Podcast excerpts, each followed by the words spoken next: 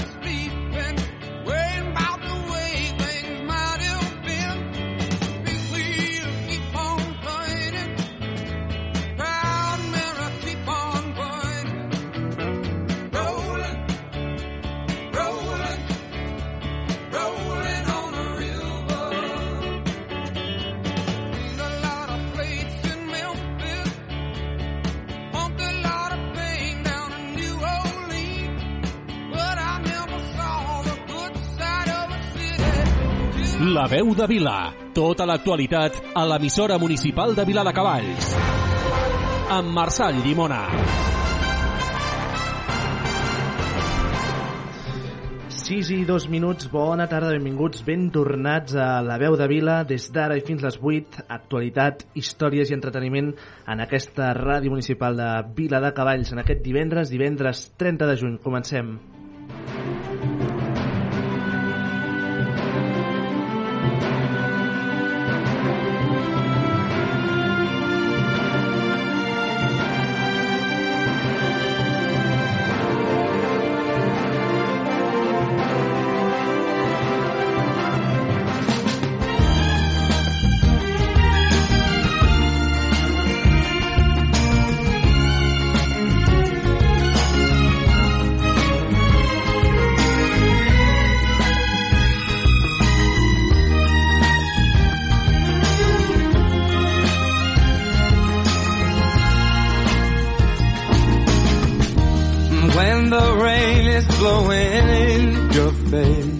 El partit nostàlgic del franquisme i amb representants a les seves files condemnats per exaltació al nazisme o violència de gènere, per posar-ne alguns detalls, assumeix responsabilitats, ara sí, eh, de govern al capdavant de les Corts Valencianes, d'Aragó, Extremadura i per poc a les Illes Balears, que malgrat no ser el govern, han tancat un pacte amb el Partit Popular guanyador de les eleccions.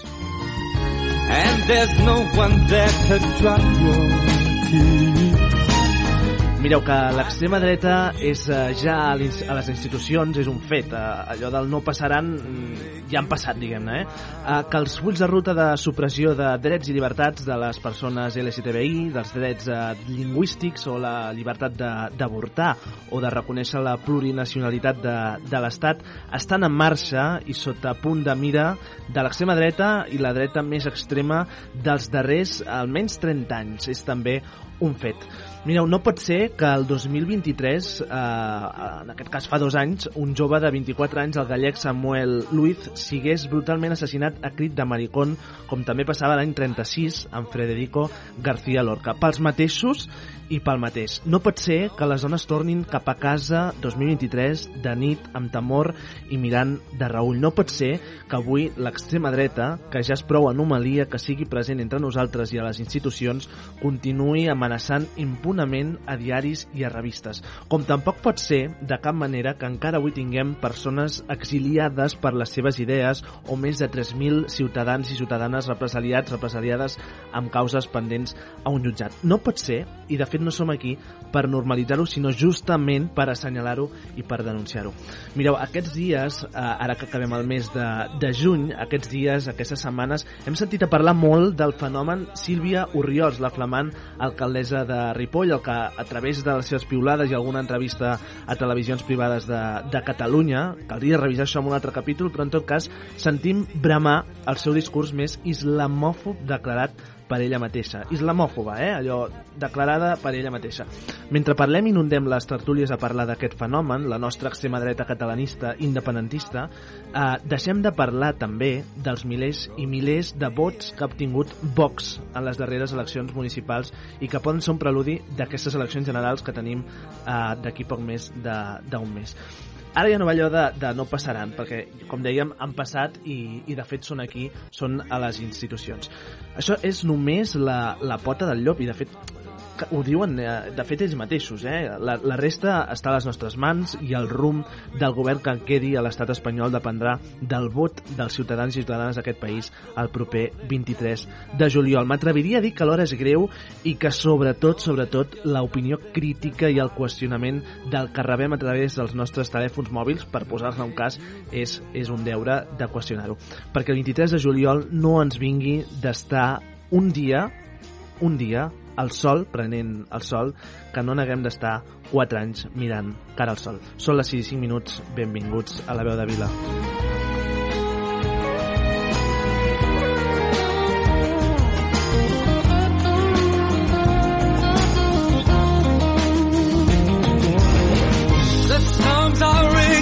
On the sea and on the highway of. Wild and free. You ain't seen nothing like me yet. I could make you happy, make your dreams. Vinga, 6 i 7 minuts eh, de la tarda d'aquesta tarda de divendres 30 de juny de 2023. Comencem aquesta tarda, com sempre, saludant...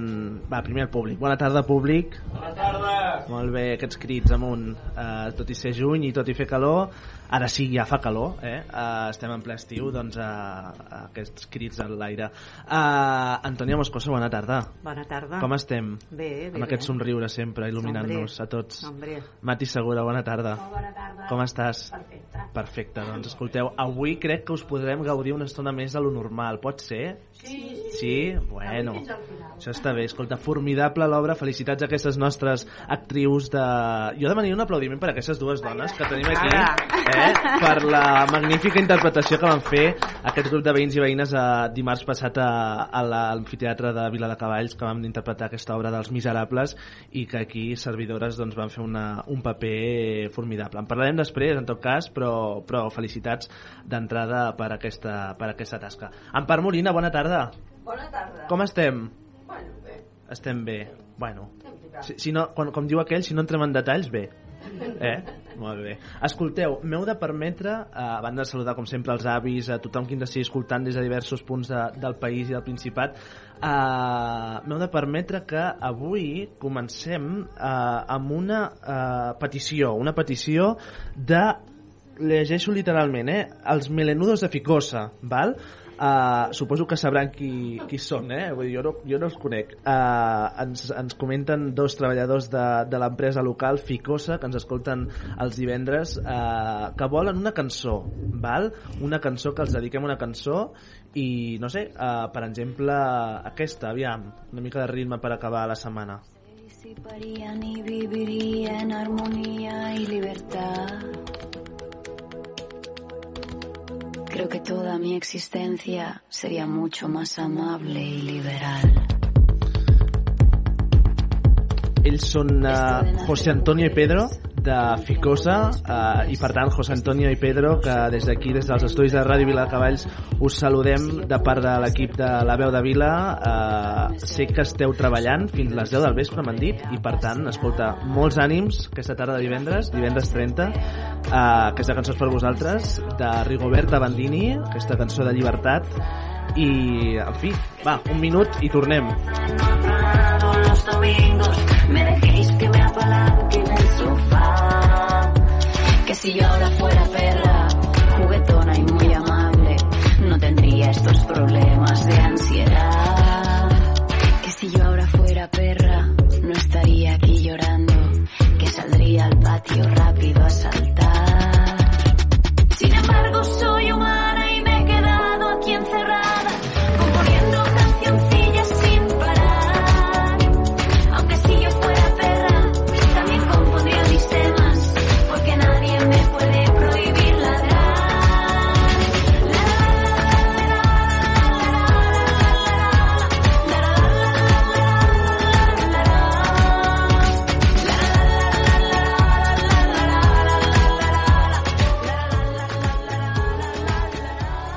Va, ara sí, 6 i 10, una salutació de nou al José Antonio i al Pedro de Ficosa i a tothom qui ens estigui escoltant des de, des de casa, des de la platja, des de la muntanya, des de Vila de Cavalls, el millor poble del món, i des de qualsevol altre poble que no sigui tan bo com Vila de Cavalls, però que també formi part d'aquest fantàstic país que tenim. Va, uh, comencem aquesta tarda de divendres, ara sí, amb aquesta primera convidada de, de la tarda, uh, nascuda a la Garriga l'any 1982, uh, és tècnica de patrimoni cultural i treballa en una empresa privada dedicada a l'arqueologia. Porta anys recorrent uh, totes les masies de Catalunya. Atenció, eh, això, porta 20 anys recorrent masies arreu de, del país i des de fa un temps aquesta tècnica en patrimoni s'ha convertit també en un fenomen a les xarxes socials amb el seu conte Caçadora de Masies, títol també d'aquest darrer llibre que tenim aquí a l'estudi amb nosaltres i que presentarem a continuació. A continuació, però d'aquí a menys d'una hora, eh, presentarà també les casetes de Can Mir. Per tant, qui tingui l'oportunitat, acosteu-vos-hi, que serà segur molt interessant i podrem descobrir també el patrimoni local d'aquí i, i d'allà.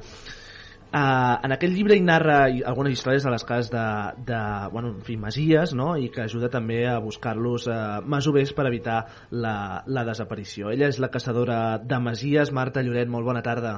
Bona tarda. Com estem? Molt bé. Bé? Sí. Ben trobada. Gràcies. Havies estat mai a Vila de Cavalls? Ens has dit que sí, eh? Sí, de fet, eh, tu desconeixies i segurament tots els que esteu aquí també, però jo aquí conec molt bé aquest municipi i me l'he recorregut de pe a pa perquè hi vaig treballar fa uns quants anys fent el mapa de patrimoni. Carai, aquí hi ha primera sorpresa i primer titular de la tarda, eh? Escolta, com, com ho portes això? O com es porta això de ser la, la caçadora de masies?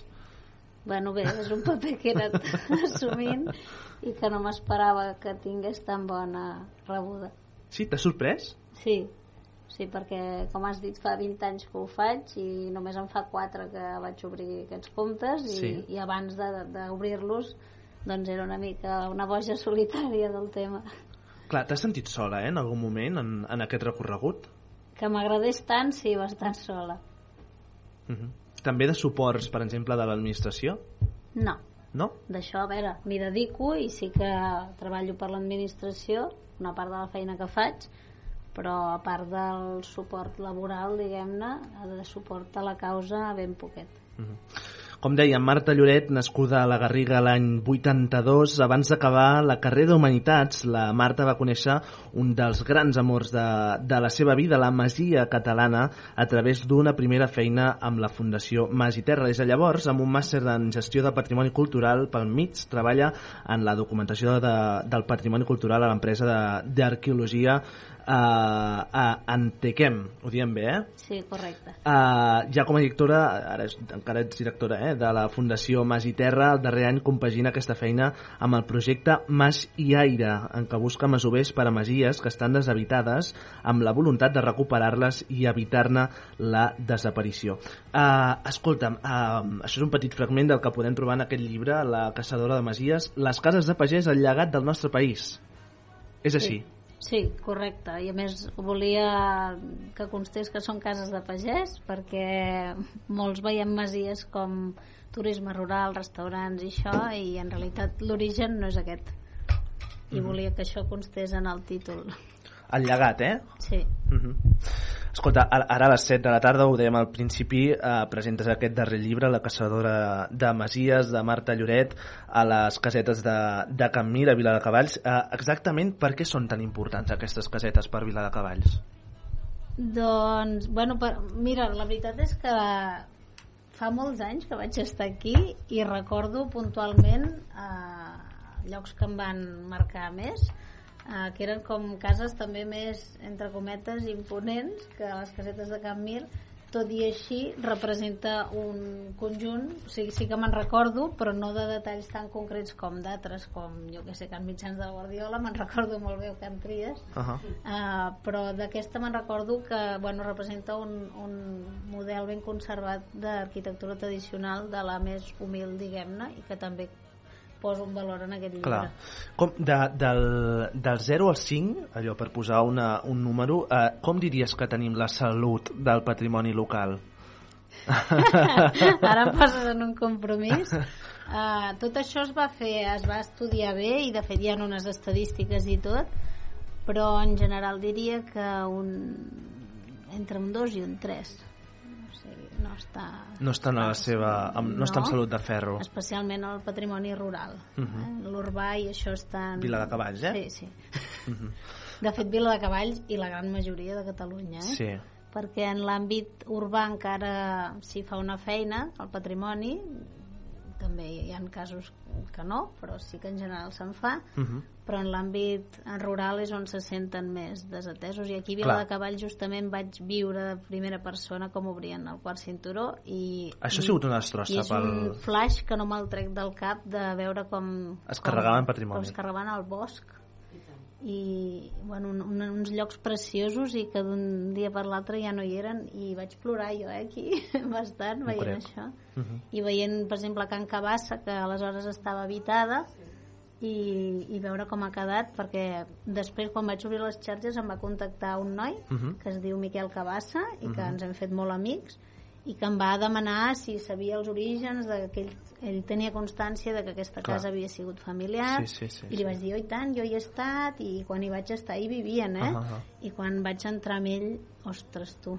bueno, i d'entrar no, ens hi vam apropar i, i bueno, també -huh. plorant perquè a sobre amb algú que venia d'allà clar, clar, clar. i bueno, és, és tot el país és així eh? Del... És desolador Sí. a nivell de patrimoni. Panorama. Clar, com, com és que no, no hem cuidat prou bé el patrimoni de manera que ara no ho puguem ensenyar, no? Perquè de, dius, tenim una salut de ferro eh, a nivell de patrimoni local d'entre un 2 i un 3 sobre 5, no? Això és poquet, tenint en compte doncs, el, el potencial que pot tenir un municipi com ho és Vila de Cavalls, però també com ho pot ser qualsevol altre de, dels nostres voltants. Bé, perquè el focus s'ha posat molt en temes de patrimoni cultural, s'ha posat molt en el patrimoni religiós eh, Ja. i monumental, el modernisme, els castells, però de Masies poc se'n parla i a nivell institucional no se li reconeix el valor que té. Clar. Clar, quan abans et, et preguntava, Marta, el tema de, de si t'has sentit a vegades sola no? en la defensa no? i en la recerca d'aquest patrimoni, uh, d'aquest patrimoni local, no? en aquest cas, uh, també ho dic de cara doncs, a, a no sé, a anar, a, em sembla, em sembla meravellós aquests 20 anys recorrent al país buscant a, allò, masies de- d'arreu del territori però, però clar, justament entres, en, per exemple, vas a un poble no? eh, de la Garriga o de Solsona, el Solsonès, el Berguedà, és igual eh, i et trobes allò buit i, i, no? I, i en runes eh, clar, la sensació de soledat de, de veure que, que potser l'administració no hi fa més del que podria no? Eh, no, ha de ser molt frustrant, no, això? Molt, molt perquè em dedico una mica a, al patrimoni Clar. per contribuir a Clar, la seva clar, clar, clar, conservació. clar, clar. I tots els que ens hi dediquem, eh, no només jo, no, no són una medalla que me la penjo No, jo no, no, sola, no, no. Uh, però sí que ens dediquem a això per vocació, perquè tampoc el que cobrem és bastant irrisori, com tots els que ens dediquem a la cultura Mhm. en aquest país, però sí que veure que estàs fent aquesta feina i dedicant-hi tantes hores i tanta passió i veure que, que va de capa caiguda eh, és molt frustrant i que realment la clau no la tenim nosaltres sinó l'administració de com estan Clar. fetes les lleis i, i les mesures de foment que són nules Uh, anem a, la, a les parets mestres de, de tot plegat. Què, què entenem? Què hem d'entendre per masia?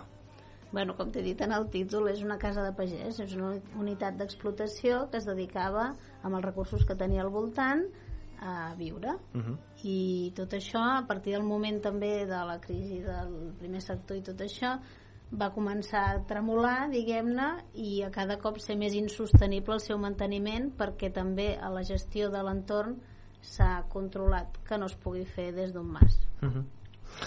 Uh, a on les hem, a on les hem d'ubicar, aquestes masies? És a dir, hi ha una zona predeterminada o, o es van anar construint així sobre, sobre la marxa?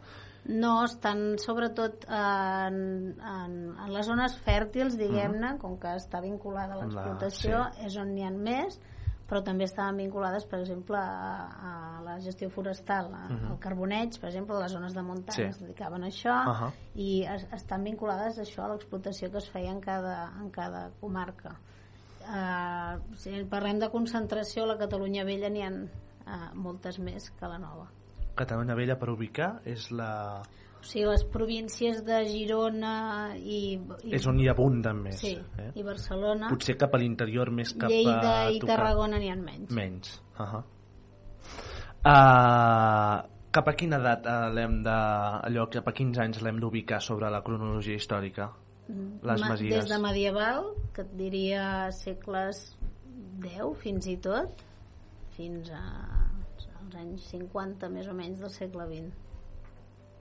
Déu nhi Sí que ve de, ve de lluny, eh? Sí, i, i de fet n'hi ha algunes molt interessants que quan entres a dins, Mhm. que també és un altre tema llarg, però es, es sol catalogar des de fora, doncs Mhm. quan entres dins les cases és quan veus realment la història que tenen Clar. i on veus paraments, això de- d'aquestes èpoques tan reculades. Clar, d'aquests 20 anys recorrent el país sencer, veient masies, veient no, uh, patrimoni allò uh, arquitectònic, uh, més enllà del cultural, uh, quina és la, la que potser, la zona, la, la, per no dir la masia, que t'ha captivat més, que t'ha sorprès més? No t'ho sabria dir. No? no, és que tinc unes quantes comarques. Suposo que et diria la Garrotxa, és on vaig començar i és el que em va atrapar. La Garrotxa. perquè allà es, es, es mantenen de forma molt vernacular algunes i realment en trobes que hi viuen com fa Clar. segles Clar, i clar, això clar. és el que a mi em, em motiva més. I què és el que... Sabies dir-nos què és el que expliquen aquestes masies? És a dir, a, a banda de la història, de com bueno, es vivia... expliquen com es vivia Clar. això, però és important perquè expliquen la configuració de tot el territori. O sigui, cada, cada masia explica no només la història del seu voltant, sinó de com es van crear el municipi on pertanyen, eh, de batalles històriques que van passar per allà i de, al final de successos de tot el país perquè expliquen tota la cronologia eh, del país. No sé si hi ha algun, algun cens eh, per qualificar-les allò arreu del territori, aquestes No. masies. No existeix, eh? No, per això parlo també de la desídia de l'administració en aquest sentit. Sí que alguns municipis tenen un cens de masies. Sí, però eh? són, la gent, a, o sigui, a nivell municipal s'ha estat fent feina i sort n'hi ha. O sigui, hi ha catàlegs de masies, inventaris que fa la Exacte. Diputació, tot això està molt bé, però no està unificat. Hi ha molts Val. llocs on no s'ha fet. És a dir, no hi ha una xarxa de país per acabar allò tenint un catàleg sencer, No una un radiografia inventari completa. General, no. Ja. Per no què tenen no? ni idea per de quantes que no? n'hi ha a Catalunya. El, el, el per què me'l pregunto jo cada dia. Sí, eh? Sí. Però no, no, no, vull dir, no sabies una, una resposta per què no s'ha fet mai aquest. No, no, de fet, Per desinterès, potser? bueno, sí, òbviament. Això parla sol. M'agradaria pensar que és per algo més complex, però, però sí, al final és falta de recursos i desinterès. Clar, uh, això és una problemàtica que trobem a Catalunya concreta o és arreu de l'Estat que passa? A tot l'estat A passa. tot l'Estat. En Sí. comparació, per exemple, a França, perquè, per exemple, Ui. a França vas a- al sud de França, que no, fa dos estius vaig a ser, Mm. i visites el, una mica el patrimoni i el tenen, vamos, com, Sí, com, immaculat. una, com una immaculació. Bueno, per això m'agrada molt que quan et diuen que és per, per la crisi del sector primari, et busquen motius de Clar, per què això excuses està així. de mal pagador, sí, que diuen, no? Però dius, home, si el país... País. Clar. Ho han... Però és que només cal que vagis allò a sí. Cuixà o per, no, a la Sí. cap allà dalt i, O i t'ho trobes. que vas pel Bueno, camp anglès exacte. i dius, Déu meu senyor, què estem fent malament aquí? Tot. I què estem fent malament, Marta? Doncs no incentivar-ho. No incentivar-ho. Sí. És a dir, la, allò, deures pendents, primer de tot incentivar... Uh, Desburocratitzar, perquè també és el que ho ha Val. acabat matant, perquè Ahà. hem volgut protegir tant que no poden fer una passa sense demanar permisos i tot s'eternitza i, bueno, la lluita seva és gran i després sobretot eh, mesures de foment eh, si tu per exemple no, eh, la gent que està conservant el patrimoni no pagués impostos, a mi em sembla bàsic això eh? No, pagar doncs impostos. estan pagant impostos eh, en alguns casos, sobretot les que se'ls ha menjat el nucli, o sigui, a sobre que se'ls ha menjat el nucli, estan Mhm. pagant uns IBIs que, Clar. que fan basarda. El tema de, de la, que, que algunes, no? Aquesta, no sé quin tant per cent representa, no sé si ho saps, aquest, eh, que aquestes masies s'acabin reconvertint en un, eh, fins i tot en un punt de negoci allò familiar eh, com a casa rural, no? De- d'escapada familiar, d'escapada amb amics, etc que, que en alguns casos es dona. Eh, què, què et sembla? que és la solució que han buscat ells per seguir endavant i que és legítima, evidentment. Però, No, no, a veure, no, per mi no és la que contribueix més a nivell territorial, o sigui, això està contribuint a la conservació d'aquesta casa, per tant, en aquest sentit està bé. Ara bé, eh, no estan gestionant, eh, en molts casos, i en casos que sí, que fan turisme. De fet, va néixer amb aquesta idea el turisme rural, eh? com a França, que, que permetia a la gent anar a viure a pagès, l'experiència real d'anar a viure a pagès durant un temps i conviure amb aquella família i veure com es vivia originalment en una masia. clar, clar, clar. Aquí s'ha pervertit, com tot, el turisme, no sé com el tenim plantejat, però tot el que és el sol i platja doncs s'ha extrapolat d'alguna manera a les cases de pagès i s'hi va, la, la, hi va la gent a passar-hi el cap de setmana i a no sortir d'allà, de, la piscina, que sobretot que tingui piscina, Clar. i de no contribuir res en absolut en el lloc on estan assentades.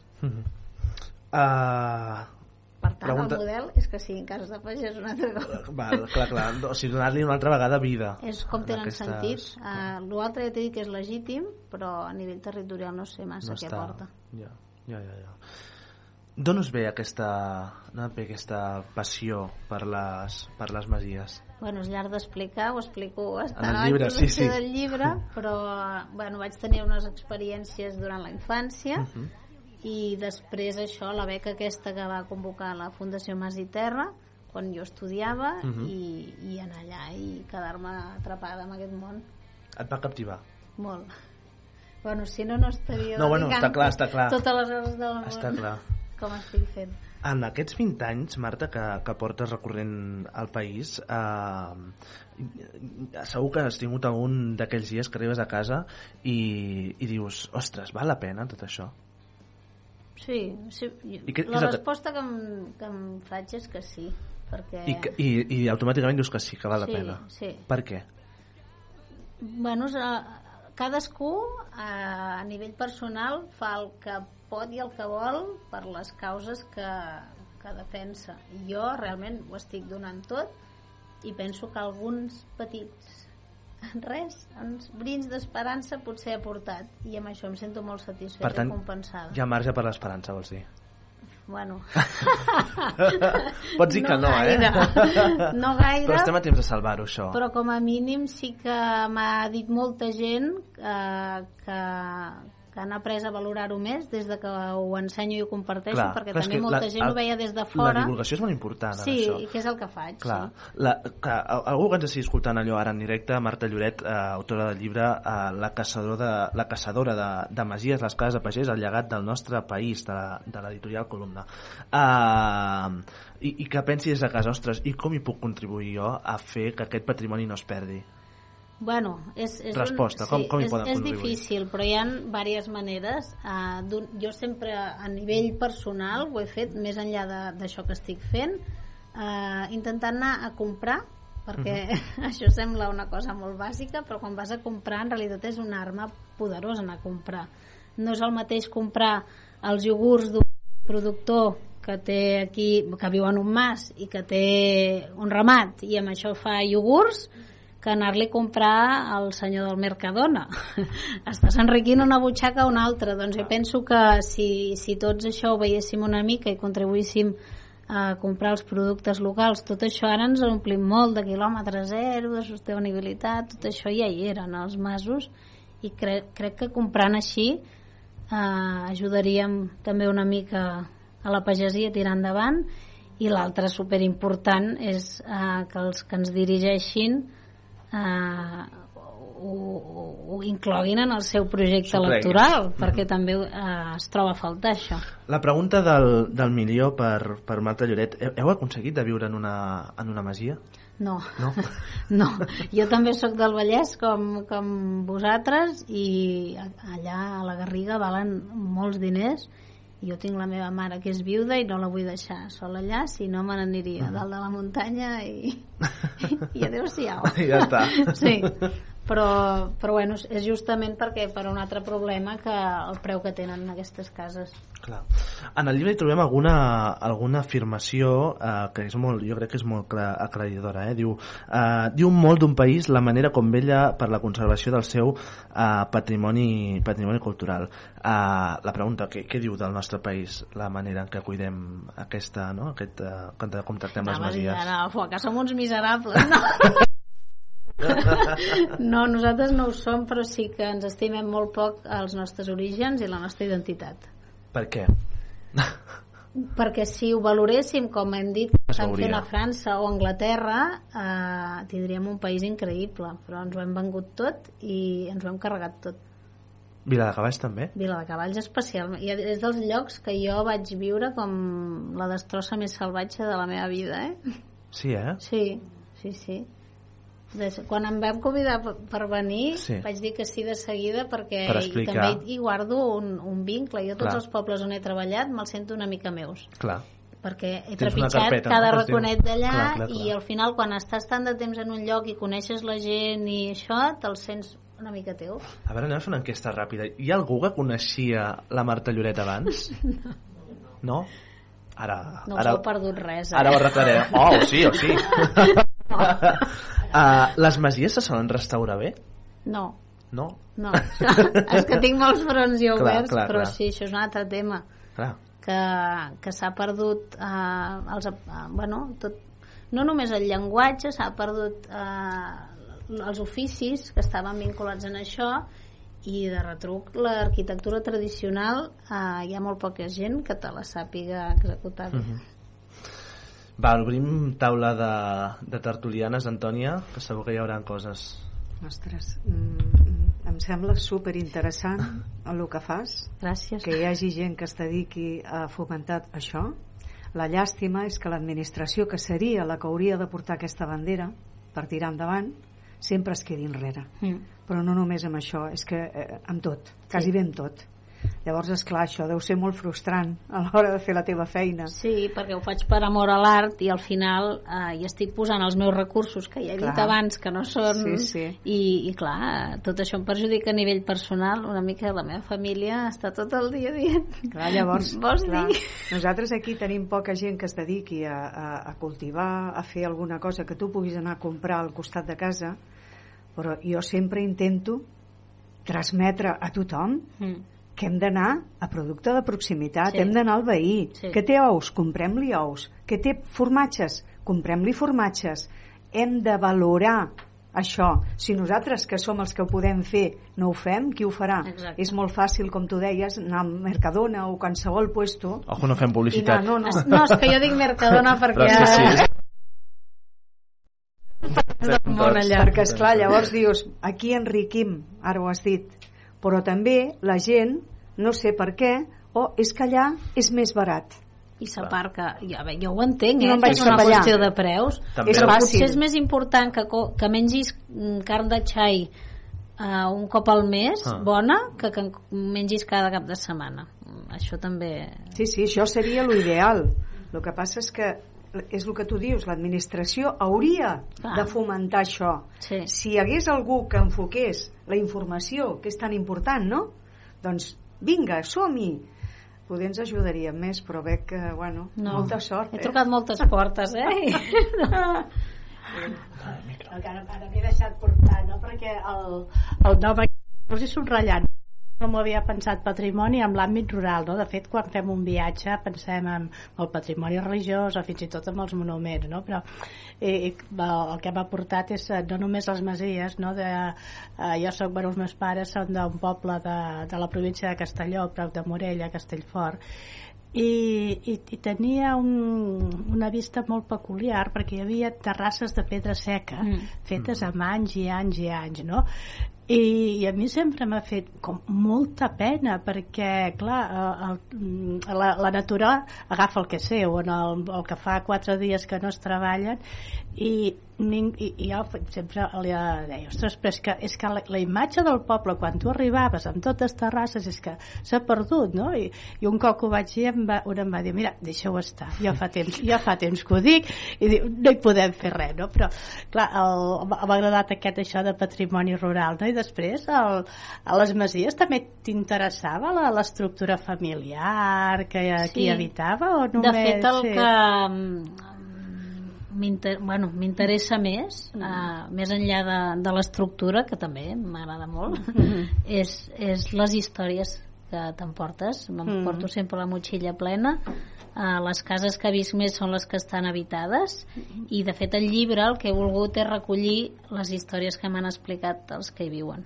Mhm. menys una que està que és la de la portada que està deshabitada i que volia que la gent veiés també comparativament què en trec d'una que està habitada o Sí. vàries Has anat a Ah, buscar masies habitades, bàsicament. és que la gran majoria de les que visito ho estan eh? Mhm. per això, perquè a mi m'interessa molt el que m'expliquen i m'interessa molt eh, per... hi han detalls que se't perden quan les cases estan tancades o des... és que en dic tancades més que abandonades perquè això també ho explico Mm. perquè parlar de cases abandonades de vegades és eh, cruel perquè jo sé, he conegut el propietari que la té així i creu-me que en la gran majoria dels casos eh, ho viuen amb molt de dolor Amb dolor. Mhm. Que no, no, no, no és abandonament recursos. o sigui, se la Mhm. senten seva però no la poden mantenir Mhm. i no la poden vendre perquè també dic, hi ha gent que sempre ha de sortir algú I la gent qui, qui viu és uh, allò de pares i fills? O hi ha, Hi ha gent de que- tot. O hi ha gent que ara hi ha anat perquè que tot i havent-se criat a la ciutat doncs ha dit, pues mira, ara volem provar una altra cosa. No? hi ha de tot hi ha de tot uh, on trobes més, més xitxa diguem-ne a les que hi han viscut de tota la vida i perquè allà t'expliquen ja des, de, des del padrí que hi feia tal cosa en aquesta estança i això és el que a mi m'interessa I eren masovers o eren propietaris? de tot, aquí? De tot. de fet en el llibre n'hi ha de, dels dos masovers i propietaris perquè també s'ha de dignificar molt el paper del masover en aquest país Mhm. Mhm. Clar, una altra pregunta, en part, perdona. El, a, a què atribueixes, justament ara que ens parlaves, diu, clar, jo anys que, que recorro el país eh, allò veient masies, i a què atribueixes que fins ara no s'hagi donat aquesta veu eh, no, en aquesta, és a dir, ho associes concretament amb un tema de canal de difusió de que vas començar més a, a fer-ne difusió a xarxes o és un tema de, no sé no, no, és de xarxa. És, sí, eh? o sigui, la visibilitat de les xarxes és el que t'ha acabat de donant jo en aquest renegava molt de les xarxes socials fins Sí. que unes amigues em van dir fes d'una cosa que t'interessi. Vaig, i dic, és que a mi no m'interessa parlar de mi. Doncs fes-ho d'això. I vaig fer això. I- i- no? i ha anat bé. I realment cre crec que ha sigut com un mitjà per, per posar sobre la taula una causa que molta gent compartia i per això és l'èxit també del compte a les xarxes perquè molta gent es sent seu aquest missatge en part Mira, has nomenat Can Cabassa. mm. Jo penso que l'evolució l'hem de reconèixer que les, la vida va canviant, les costums també, la gent també. Aquella casa era propietat del, dona, de, del senyor Donadeu i ell la, va, la part de baix la va restaurar. Però abans de morir, uns anys abans, la va vendre a una altra persona. Aquesta persona l'ha abandonat totalment sí. no va permetre que ni hi anés un, un, jo conec un, un noi que estava disposat a anar-hi per conservar la casa per, per tenir una mica d'hort i no ho va voler vol dir que les, la, tot això anirà desapareguent perquè les persones que compren com Can Colomines ara és reto ja no és una casa de pagès Reto? Què vol dir això? és una associació de... Sí. Ah, ja hi vaig estar també. Sí. Clar, ja, que ja no és una, ja no és una casa de pagès, allò s'ha transformat en Hi ha un... casos de propietaris que tenen desídia, eh? però si tu, per exemple, com a administració, jo no sóc partidària de, de, de castigar, sinó d'incentivar. Uh, per exemple, una casa tancada doncs paga el doble d'impostos. Una casa de primera residència no en paga. Ja s'acabaria ràpid el problema. També és veritat que les- que la- l'agricultura està de mal, de mal en Ah, sí, pitjor. sí. I, i, Però creu-me que amb això que faig jo dels masovers hi ha una quantitat ingent de gent jove que té ramat, que, que han anat Sí. a l'escola de pastors o a escoles agràries i que no tenen accés a la terra que, que us en faríeu creus. Moltíssima gent. i els, els que la tenen no poden viure Clar, apenes... perquè necessiten una extensió més gran per, per sobreviure. Bueno, però és un, és un tema complex. És complex. Sí, Això, em, lamentable, anirà desapareguent. Jo vull pensar que no, eh? No.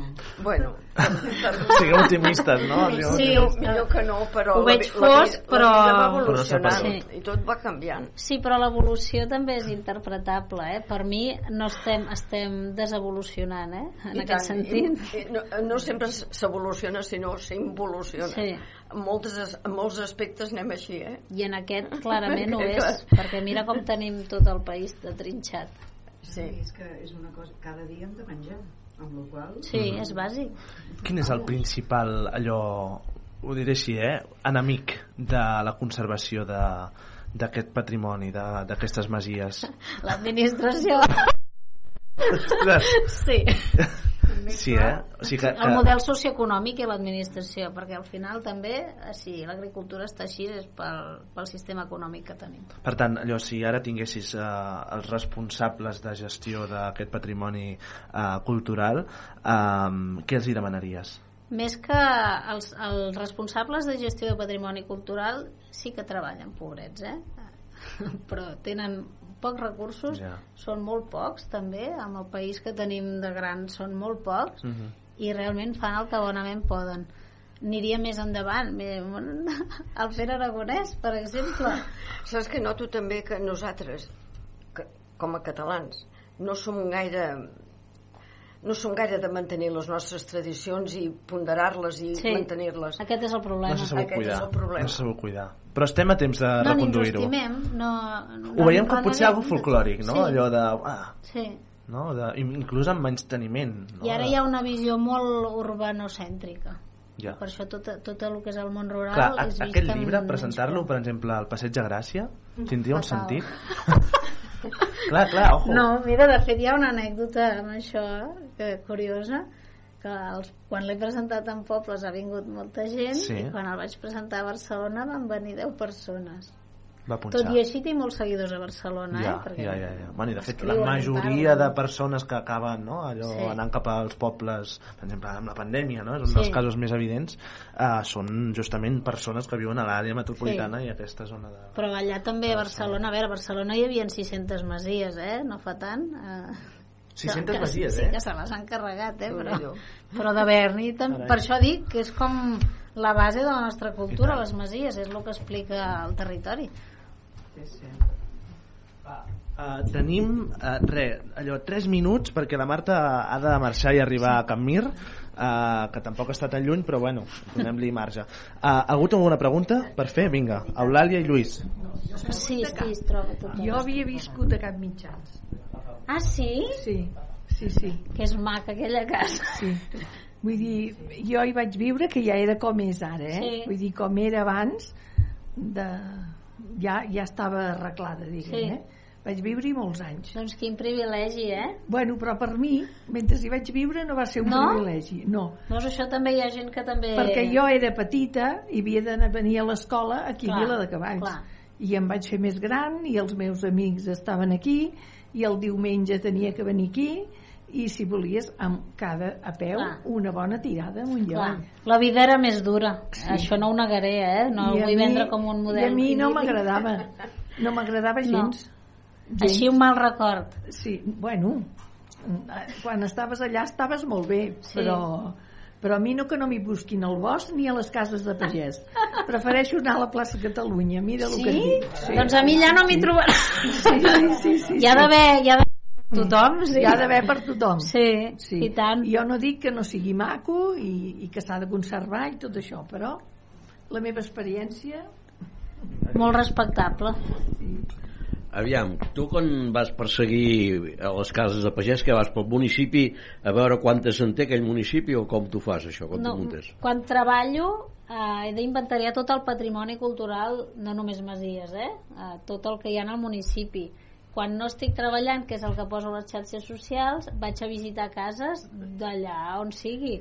Eh, I moltes vegades quan torno de treballar, que això ja és malaltia, com, diguem d'aquí cap a la Garriga, per on vaig passant, quan ja surto del municipi, doncs veig una casa, ui, aquella, I, i vaig allà i truco. Això Clar, era jo- la caçadora de Masies. Jo t'ho dic perquè en aquí aquest municipi, aquí a Vila de Cavalls, Però, clar, ja no és una... No és... no, jo, jo, jo et deia això perquè aquí a Vila de Cavalls n'hi havia, no sé, 7 o 8 o 10 de masies i evitables ara hi ha la de Camp Mitjans, la Can Corbera, eh, la, la Can Corbera, el que és Can Colomines, Can Perull i les de més totes estan... Can Totes est... Garriga? Com? Garriga? Està, Can Garriga, Can Garriga. Can era una casa pagès, Can Mercet, la última, la última que s'ha deshabitat és Can Bayona. Oh. Fins fa un parell d'anys encara era habitable, ara ja està deshabitada. Can Trullàs o alguna així. es Can? Trullàs també hi ha, Can Can Trullàs està habitada també, sí. Can Trombot, Can Oleguer, Can Senaguja, Sí. Sí, ha, eh? Can et sonen totes aquestes? Eh? Can Senaguja hi ha un masover encara, sí. Bueno. Uh, Marta Lloret, caçadora de, de Masies. Un desig? Uh...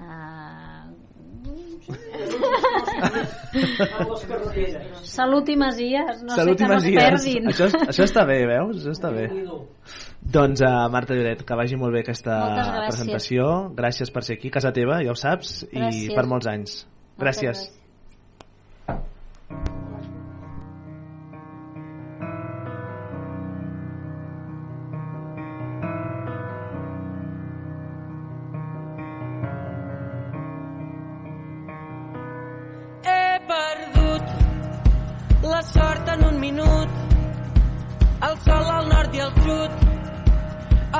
Que no he tingut, el temps que no he viscut. Però no he perdut les ganes de viure, ni les ganes de veure. Amb ganes de més he perdut, però he guanyat. He perdut l'amor d'alguna flor, la por de tenir por, un despertador mut, el colom de la pau, quan he estat dins el pou. Ei! I he guanyat tot el que porto amb mi, els dies que he viscut i els amics de veritat. He guanyat tot el que no he perdut. He guanyat perdent el que he perdut. I tu, i tu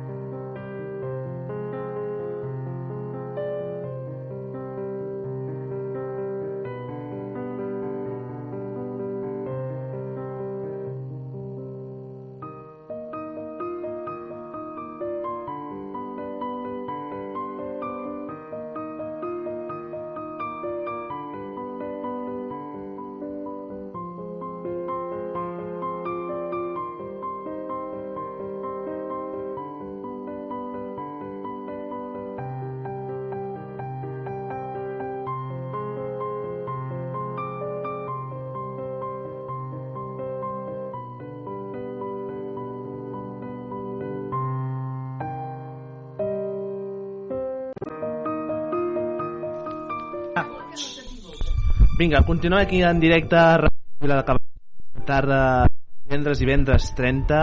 Uh, Antonio Moscoso. Què? Bona tarda. Què de què? Com estàs? Super. Super? Molt interessant aquesta conversa amb aquesta noia de casadora de Tenim Masies. deures, eh, com a país. Tenim deures com a país. I tant, sí, sí. Escolta'm, uh, explica'ns aquesta formidable obra dels Miserables, aquesta interpretació dels Miserables de dimarts. Això ho hem patit, eh, aquí, a Ràdio Vila, amb la teva absència. Bueno, és que cada divendres Però l'èxit va valer la pena. cada divendres allà, vinga, assajar. La veritat és que ha sigut una experiència bona, no boníssima. He descobert un nou món, una gent mm, bueno, és que mm, al final eh, és com una gran família clar, em pensa que eren més de 40 eh? llavors, és clar per mi ha sigut una passada jo el, el dia que vam acabar em sembla que no, no podia plorar més de l'emoció però no jo sola, és que era tothom hi ha un jovent aquí a aquest poble amb un talent que dius, ostres eh, això hauríem de cuidar una mica més No es cuida? Mm, jo diria que no. Mati, si es cuidés... com va anar? Com va anar això dels Miserables? Va ser, sí, bo- ostres, re- real... Sí, a veure, a veure jo, a, a mi d'entrada jo sóc molt fan de tots els musicals. Eh? O sigui, des del Maricel, he vist el Cats, he vist el West Side Story, me'ls trago tots. I justament el musical que m'ha faltat veure és el que he tingut la sort d'interpretar, no? Però eh, sí, de, el que, com diu l'Antoni, o sigui, eh, és que, eh, bueno, quan van fer el cant final, vull dir, primer comences a plorar i intentes parar i després dius, va, és igual, doncs canto i vaig plorant, no? Total, ja... Però va ser molt, molt, molt emocionant, no? I més és que, que va sortir molt bé, que carai, no? Vull dir, val, val la pena. O sigui, l'any que ve tothom, si es torna a repetir, que espero que sí, espero que, que realment els de vestir mm, hagin quedat amb ganes, doncs tornarem, tornarem a repetir. Han quedat ganes de seguir sí, fent... oh, i tant, i tant, que han quedat ganes. És que pensa que, bueno, ha sigut una experiència i ja et dic, és que en gent de tota mena, amb, amb, bueno, petits, grans, eh, aquí la- l'abuela, eh, bueno, hi havia Però aquesta és la gràcia, no? Una mica sí, de... per això et dic que ha sigut una, una compenetració i un, i un Bueno és, bueno, és que jo tornaré a repetir, és que a mi m'ha entrat ara un gossanillo... Ara ets actiu. No, no, no, això res. Home, el, el nivell, la veritat Però és que... que la veritat és que, bueno, que jo per mi he descobert, ja et dic, un nou món, un nou món. Que guai. Com la cançó. Això. Sí, a veure, hi ha alguna cançó que tingueu allò en ment? Home, a veure, a mi... Clar, és que clar, a, a mi el revolució Cuidado, cuida el micro. se, sempre ha sigut, no? O sigui, ja... Eh, de fet, la, la, la vam interpretar per la, quan, quan cantàvem les cantades per la llibertat, ja l'havien cantat, ostres, Uh, és una cançó que, que dius, bueno, clar, tot el poble cantarà, uf, no? Ja, ja té molt significat aquesta cançó. Clar, el uh, musical dels Miserables surt de la pel·lícula de, no? dels Miserables, justament. I la, I la pel·lícula surt del llibre d'Alejandro de- Dumas. Correcte. Eh. Uh, clar, vosaltres vau fer una petita part no? de, de representant de, de, de l'obra, no? que és, és una obra que és uh, el doble de llarga. Uh, com, com la sensació de, dels assajos, de les hores que hi heu posat, uh, de tot, uh, no sé, expliqueu-nos des de dins com es va viure. Bueno, aquesta és una altra història, perquè, eh, Mati, hem passat fred. Nervis, també? Nervis no. No? Jo per mi no. Nervis no. Però fred. Hores de, que, de clar, has d'esperar que tothom assagi, Sí. que has d'esperar, es fan les hores molt Ah, llargues. però a més és perquè- una obra que hi ha molta gent. Clar, també. aquí està. Però penso que jo, quan sortia dels assajos, pensava, ostres, és que m'ho he passat tan bé avui. És que, tot i que t'has d'esperar, perquè has de fer, doncs, bueno, el trosset que et toca, la petita cosa que et toca fer, i a lo millor aquell dia no la fas. Però, bueno, que la veritat és que eh, jo de l'única cosa que recordo és de passar o molt fred o molta calor. Eh? Ah, Perquè, esclar, no tenim medis, és clar. que no hi ha medis. No... Expliqueu-nos una mica el, els vostres papers. Aviam, Antònia, tu de què feies? Feia de poble, De poble què vol dir? de poble, De Vilar de doncs mira, de treballadora, Vale. De tra... Poble és quan, quan s'ajunta tot el poble, que van a la revolució i tot... No sé per què, però tu et quadra bastant aquest paper. Ui, tant. Eh que sí? I tant. Jo, escolta, és que m'hi vaig sentir allà amb el puny amunt, Amunt i- aixecat i dir, bueno, tot el poble, vamos. La veritat és que sí. Molt, bueno, jo que sé, ha sigut molt xulo, molt xulo. Ahà. Eh? Mati, en el teu cas. Vinga. A veure, jo també feia també de poble i de treballadora, igual que l'Antoni, a part... Treballadora, sí. Sí. alguna, alguna cosa també, eh, no? Aleshores ja feia pues, de Madeleine, no? La Madeleine és una prostituta ja grandeta, no? Que el proxeneta doncs la comença a desplaçar. I, i bé, era un petit paper que, pues, clar, que eh, quan es fa l'escena que està tot el poble, no? de, tot els, po- que es diu els pobres, de tota, tota la gent que, que, que passava, eh, que en aquell moment passava gana i es volia revelar, doncs bé, eh, jo estic una mica emprenyada, no?, perquè les prostitutes joves, doncs, em prenen el meu lloc. Ah, sí, és que... És que sí, sí.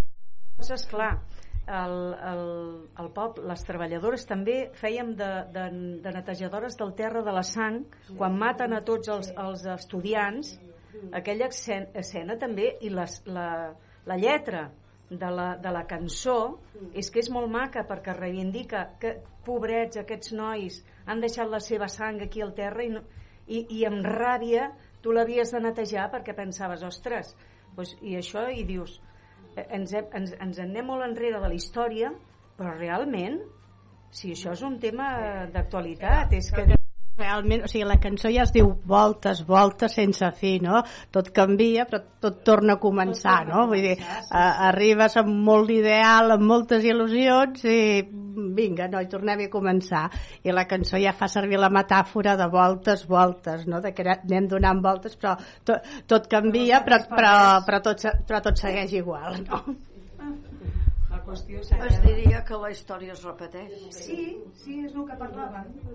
La història es continua Es va repetint. i es va repetint i dius, no saps per què, però la història es repeteix, eh? Eh, per què dius això? Oh, és perquè, mm, d'alguna manera, potser tots hem peix, no? però ens interessa poc del, el que va passar, no? Fins que llavors, pues, bueno, arribo jo i penso que m'he inventat el món i resulta que el món ja, vaig, ja estava inventat, no?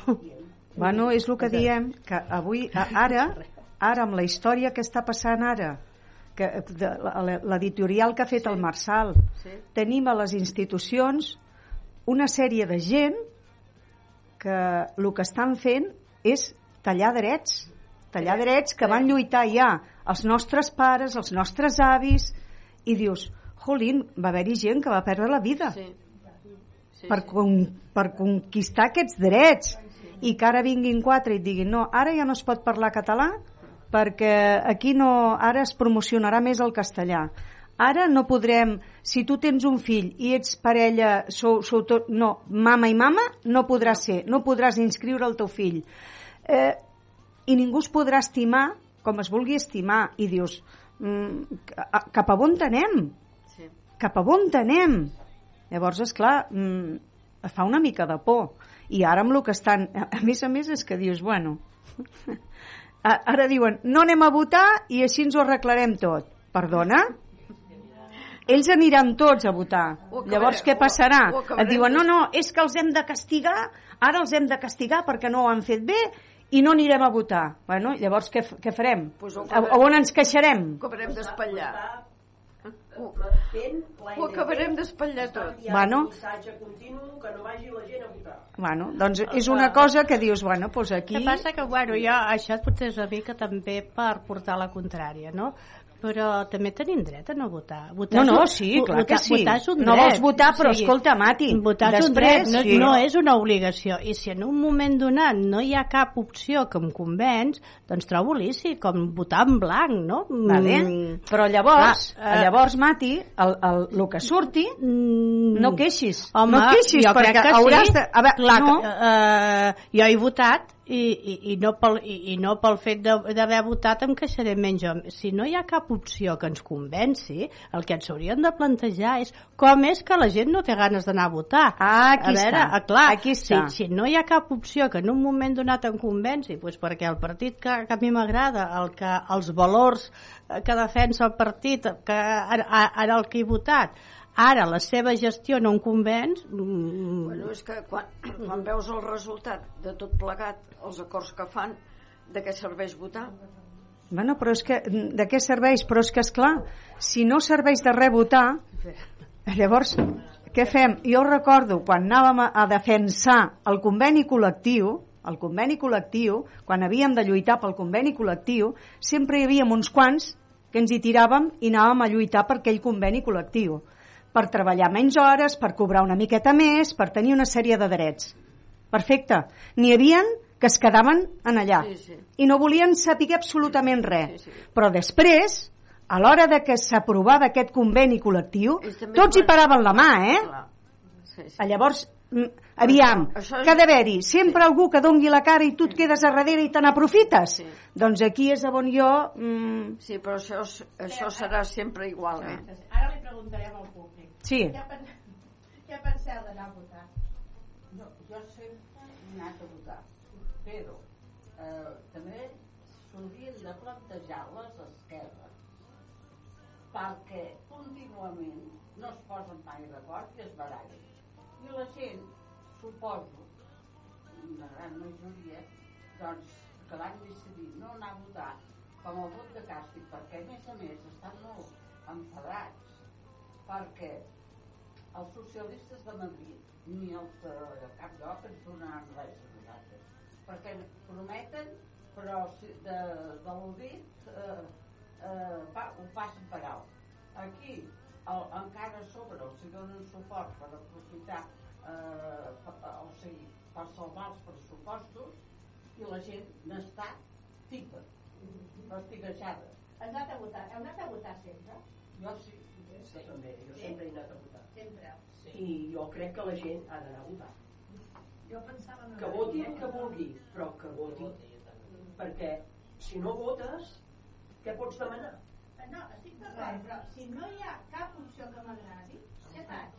en blanc En blanc. Però en blanc Però que però un dret és de la llista més votada, que potser sí, sí, No, el vot el en blanc, blanc. bueno, no, és, és el nul el que És el La, la gent que no ha anat a votar i ara diuen oh, és que ara ha entrat Vox i el PP.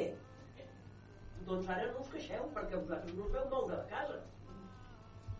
Ha entrat Vox i el PP perquè Però- vosaltres no veu anar a votar, Però és, estic Oh. d'acord, no? Però és normal donar-li la culpa a la gent. O sigui, si la gent no ha votat és perquè no ha trobat cap opció Sí, no, això- que, això que, que els hi Bueno, però no ho trobo just que Però bueno, llavors pugen les, les Però, Mati- sempre van a votar. No, no, Mati, també n'hi han que es queden a casa i no voten a ningú per mandra. També hi ha aquest tipus de gent, eh? Que diuen, oi, em quedo a casa i jo avui, mira, va ser que no. Els de la mandra no sé si ho fem. Pues N'hi ha uns quants, eh? Anem un, uh, un moment a publicitat i tornem de seguida aquí a Ràdio Vila.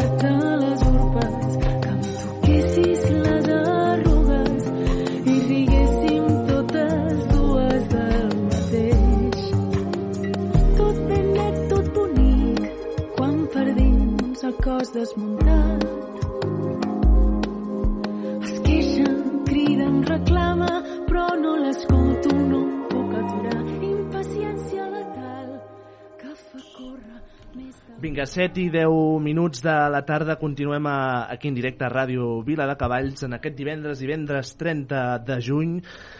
La persona a qui conversarem a continuació la podríem presentar de, de diverses maneres.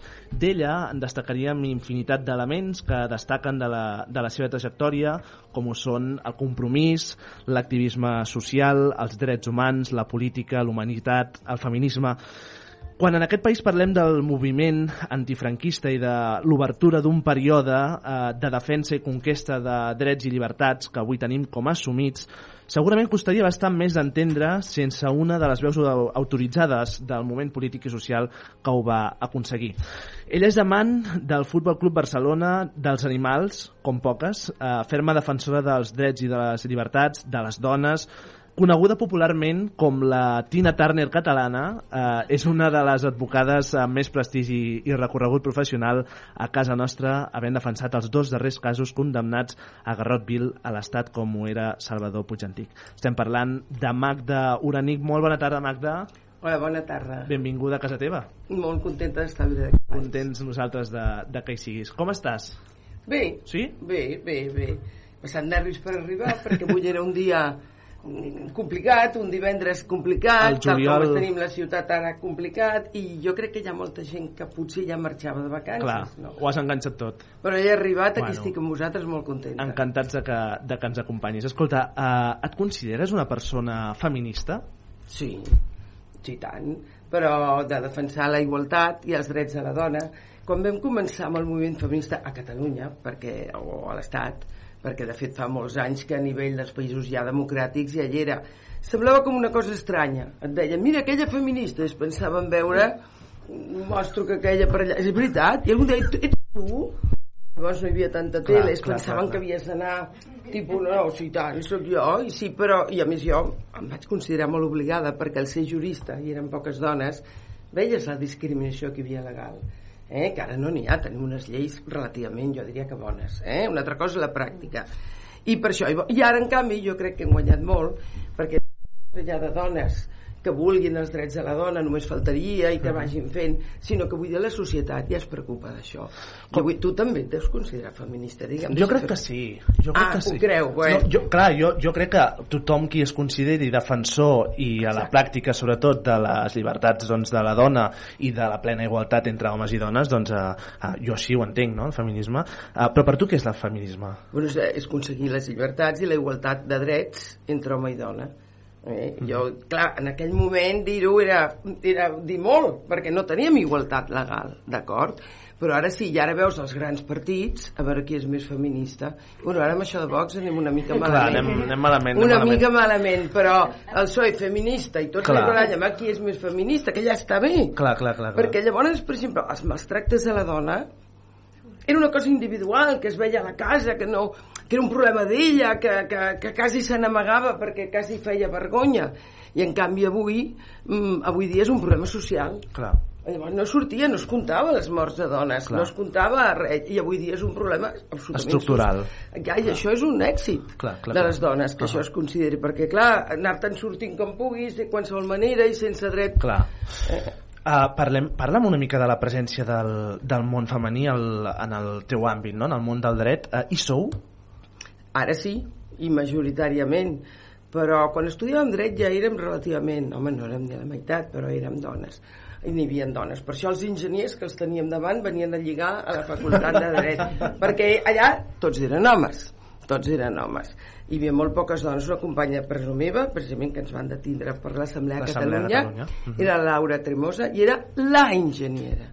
O sigui, no era una enginyera que hi havia, era la enginyera. I va estudiar tota la carrera sola de dones, Clar. eh? tota la carrera. Ara ja tenim enginyeres, encara poques, però veus aquestes noies joves potent. amb una força. I jo dic, jo he lluitat perquè vosaltres poguéssiu fer tot, tot això, no? Avui dia les grans professions són dones. Ara, la meva, he vist un canvi estructural. La sort de tenir uns quants anys, és que hem vist canviar la societat. Clar. Eh? Això sí, que en el fons és un privilegi. Hem sortit d'una dictadura, unes llibertats... Una... Si ara tanquem els ulls i pensem fa 10 anys, ja tot era diferent. Però fa 10 eh, ja s'assemblava més. tant. Però fa 40, Clar. fa 50... I tant, i tant. Eh que sí? I no sabem quin dia va canviar, sinó que a poc a poc... Clar, t'has sentit sola en aquest camí de la defensa de, la, de les llibertats, de la dona? Eh... No, quan el moviment antifranquista que lluitaven contra la dictadura ja eren, però eren pocs. Clar. Perquè la Maria Aurelia Capmany sempre protestava, perquè, escolti, ja esteu vosaltres. No, no, però vosaltres, nosaltres volem que siguin les altres. Clar. Els llocs de direcció tots eren homes, però les dones jo crec que al llarg de la història han fet més del que es diu. Clar. No només per les llibertats, són les dones que han aguantat la família, que han aguantat la vida, que han aguantat tot, eh? Les dones, de fet, ara estem millor.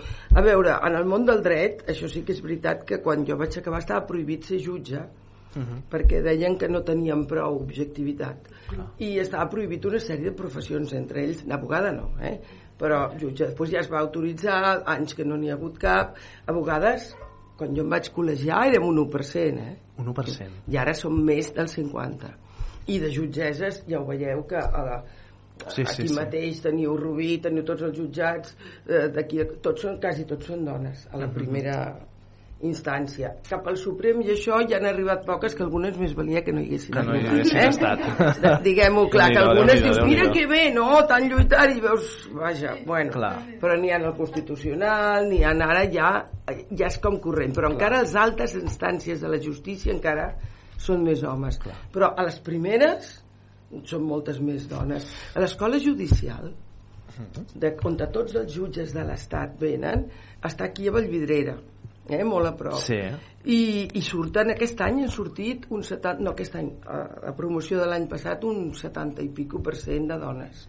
I a França passa igual, que a poc a poc ja són, si aneu als jutjats normals els de primera instància Ordinaris, tots són dones, tots són dones hi ha un tant per cent de dones, quasi un 70-30 Uh -huh. a mi ja no m'impressiona. Les primeres que vaig veure, el primer jutge que vaig trobar no m'ho podia creure. I em diu el company contrari diu, apa, que ara guanyaràs aquest assumpte al ser una dona Di, di que, di, ah, o sigui que durant segles els heu guanyat vosaltres perquè Pel tots eren pel homes fet de ser homes. sí, sí Clar, exacte, clar. a més era dret de família que és on te... Sí, sí, sí, ja, sí. i ara hi ha família i jo ja no m'hi fixo eh, si és home o dona perquè realment tampoc són diferents les sentències eh, les coses com sigui Hi ha separació de poders a Espanya, Magda? Home, sí. Jo crec que hi ha separació perquè tothom diu si hi hagués separació de poders no passarien segons quines coses. El problema és que el poder més important és el poder judicial, eh, a, a, les altes instàncies, el Suprem, el Constitucional ha canviat ara, no sé si us heu fixat, Uh -huh. que inclús les sentències són més normals perquè ja no demanem que siguin que entenguin a Catalunya que siguin més progressistes demanem que siguin jutges de, normals que actuïn i que defensin Clar.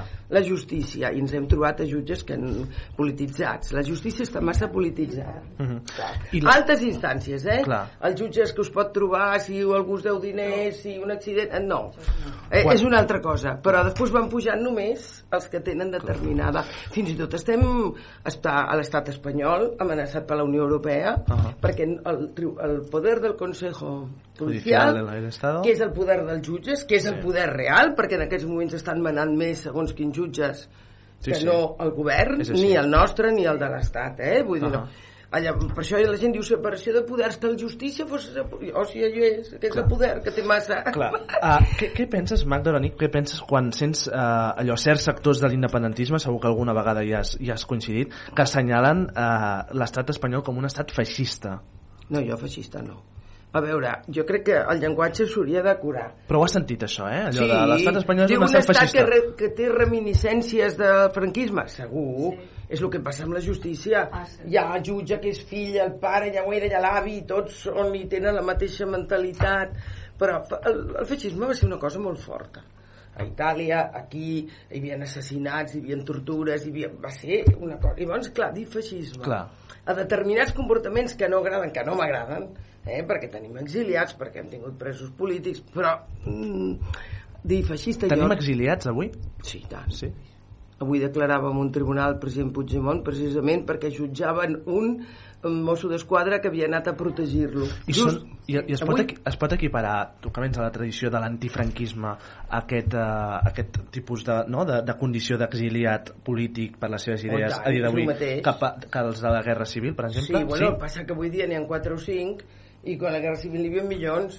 Però és el mateix cas, vols dir, eh? Sí? Home, jo, qui està fora per idees polítiques o per el seu, no violent, eh, per el seu comportament, per les idees, les que siguin, i que passa el que passa com a les... Clar, però, per exemple, tu i jo som independentistes. Sí. I, i, i no estem a l'exili. Bueno, eh? però ni tu ni jo érem presidents de la Generalitat Bueno, altra estàvem al govern quan l'1 d'acord. d'octubre. Clar, però ho deia que eh, potser tu i jo en un altre moment, als anys 30, 36, no? 38, Estaríem a l'exili, i estaríem a l'exili, no? Per això dic que... Sí, clar, clar. I avui dia, home, jo, jo no, no estic d'acord que hi hagi Clar, exiliats, clar. ni que hi hagi presos polítics, ni que hi hagi discriminacions a ningú. Però jo comparo... La paraula feixisme eh, fa És molt forta. Veus allà el Mussolini, el Franco... I no, no, no, ens- encara que alguns jutges poden haver tingut actituds, però així i tot. Jo vaig tenir aquesta sensació quan vaig anar la primera vegada a veure els presos, Sí. els Jordis. Sí. Us en recordeu que els dos Jordis que estaven a Soto de Real. a Soto, vaig anar a Soto. Uh -huh. Vaig corrents allà perquè jo amb el carnet d'abogat. I vaig tenir la sensació... Clar, com a advocada podies entrar-hi sempre. Sí, sí, sempre. Si no entraves més aquí era perquè ja tenien tantes visites Clar, que al final havies clar. de fer cua. Però llavors no encara.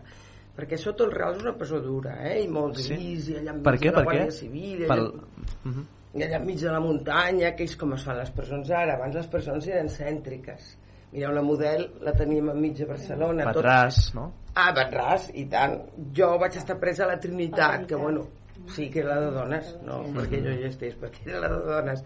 I ara la construcció no aquí, sinó els països democràtics i avançats, o tots, inclús, les fan a la fora que estan millor perquè poden ser més grans per les famílies al- algunes es queixaven quan tancaven la model i jo els deia però que no veu que estaran clar, estan millor, tenen patis oberts Clar. les persones una cosa com tancada alguna de vosaltres ha anat a visitar la model quan ja... Ah, veus, jo sabia que algú hi hauria anat. Jo també, que és, eh? Tu també, eh, que és impressionant.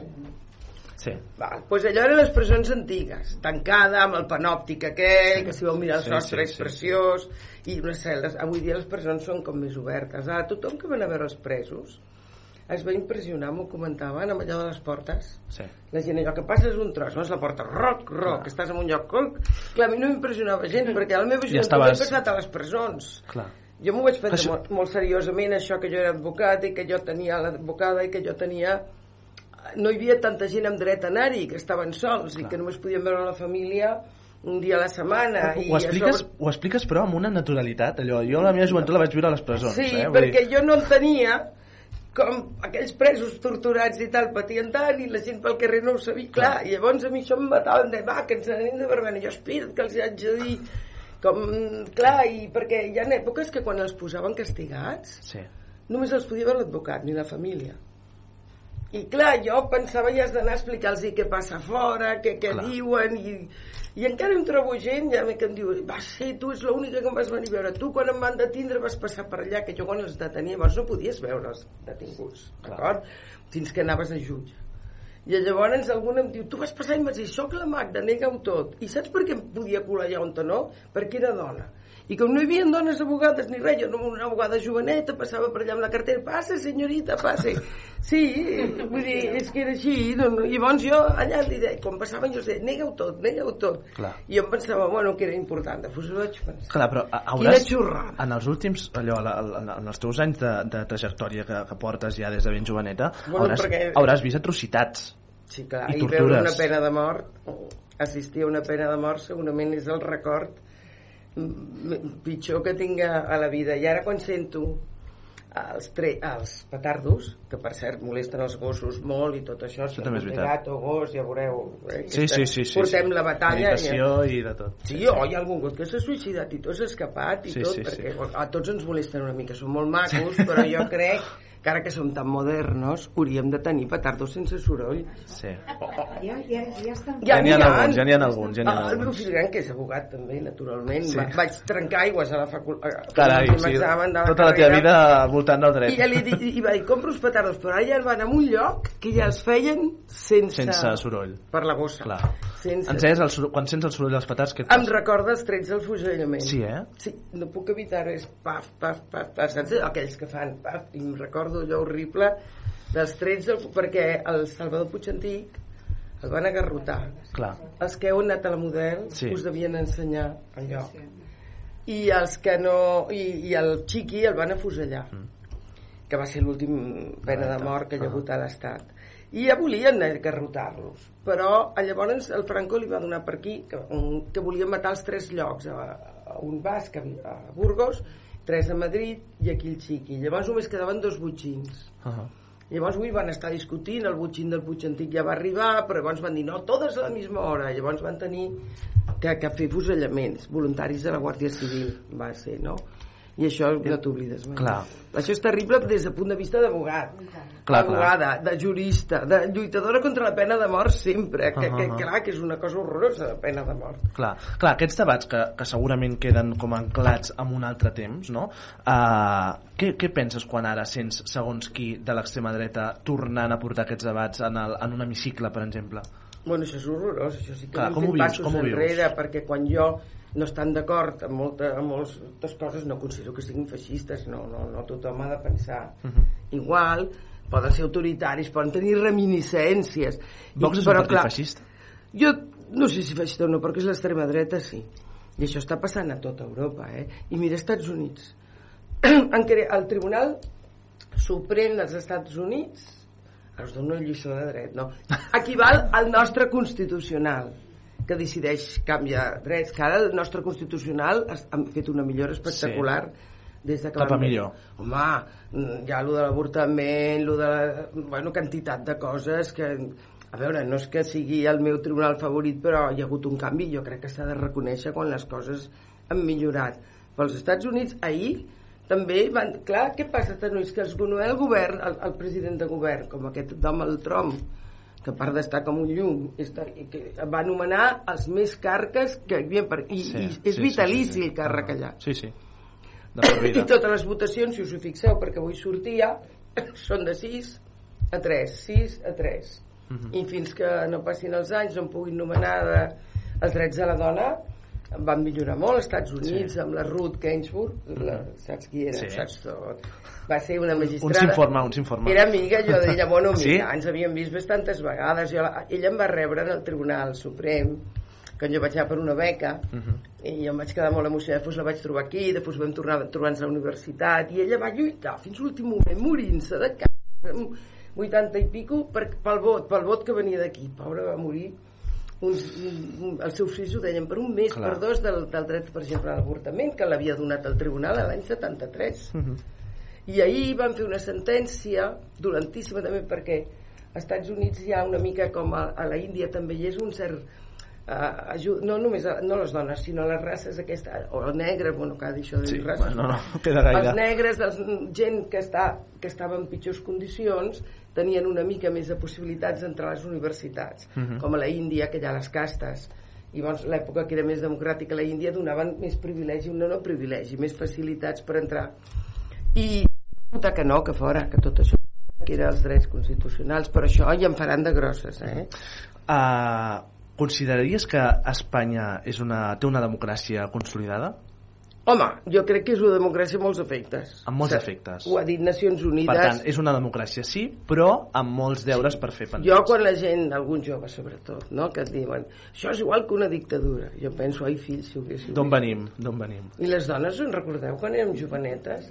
Us en recordeu allà al col·le que per fer gimnàs havíem de portar uns bombatxos? Us en recordeu de tot això o no? Ell, to- ell no se'n pot no, recordar jo no. perquè no havia Jo per lo que, nascut. per lo que m'han explicat els avis, això Veiem sí. eh? les dones, els governs, veiem aquí, fas el que vols, és veritat. Us en recordeu també, si en fer país? I tant, per que favor. teníem més drets i deien, és que jo tinc dret català. Us en recordeu que el dret català d'una dictadura ja ens donava, ens donava més, més drets que, i això que venia de l'època dels romans. Sí, sí, sí. sí. Eh? O sigui, i us en recordeu on veieu una policia de tràfic, on veieu una jutgessa, on veieu un- una ministra, però si una abogada jo havia de dir, ai senyorita, tan simpàtica, de parte de qué abogado viene, jo ja, com un, no soy yo, soy yo. L'abogada soy jo. Clar, ai, mira que simpàtica, i, i et tractaven millor i tot.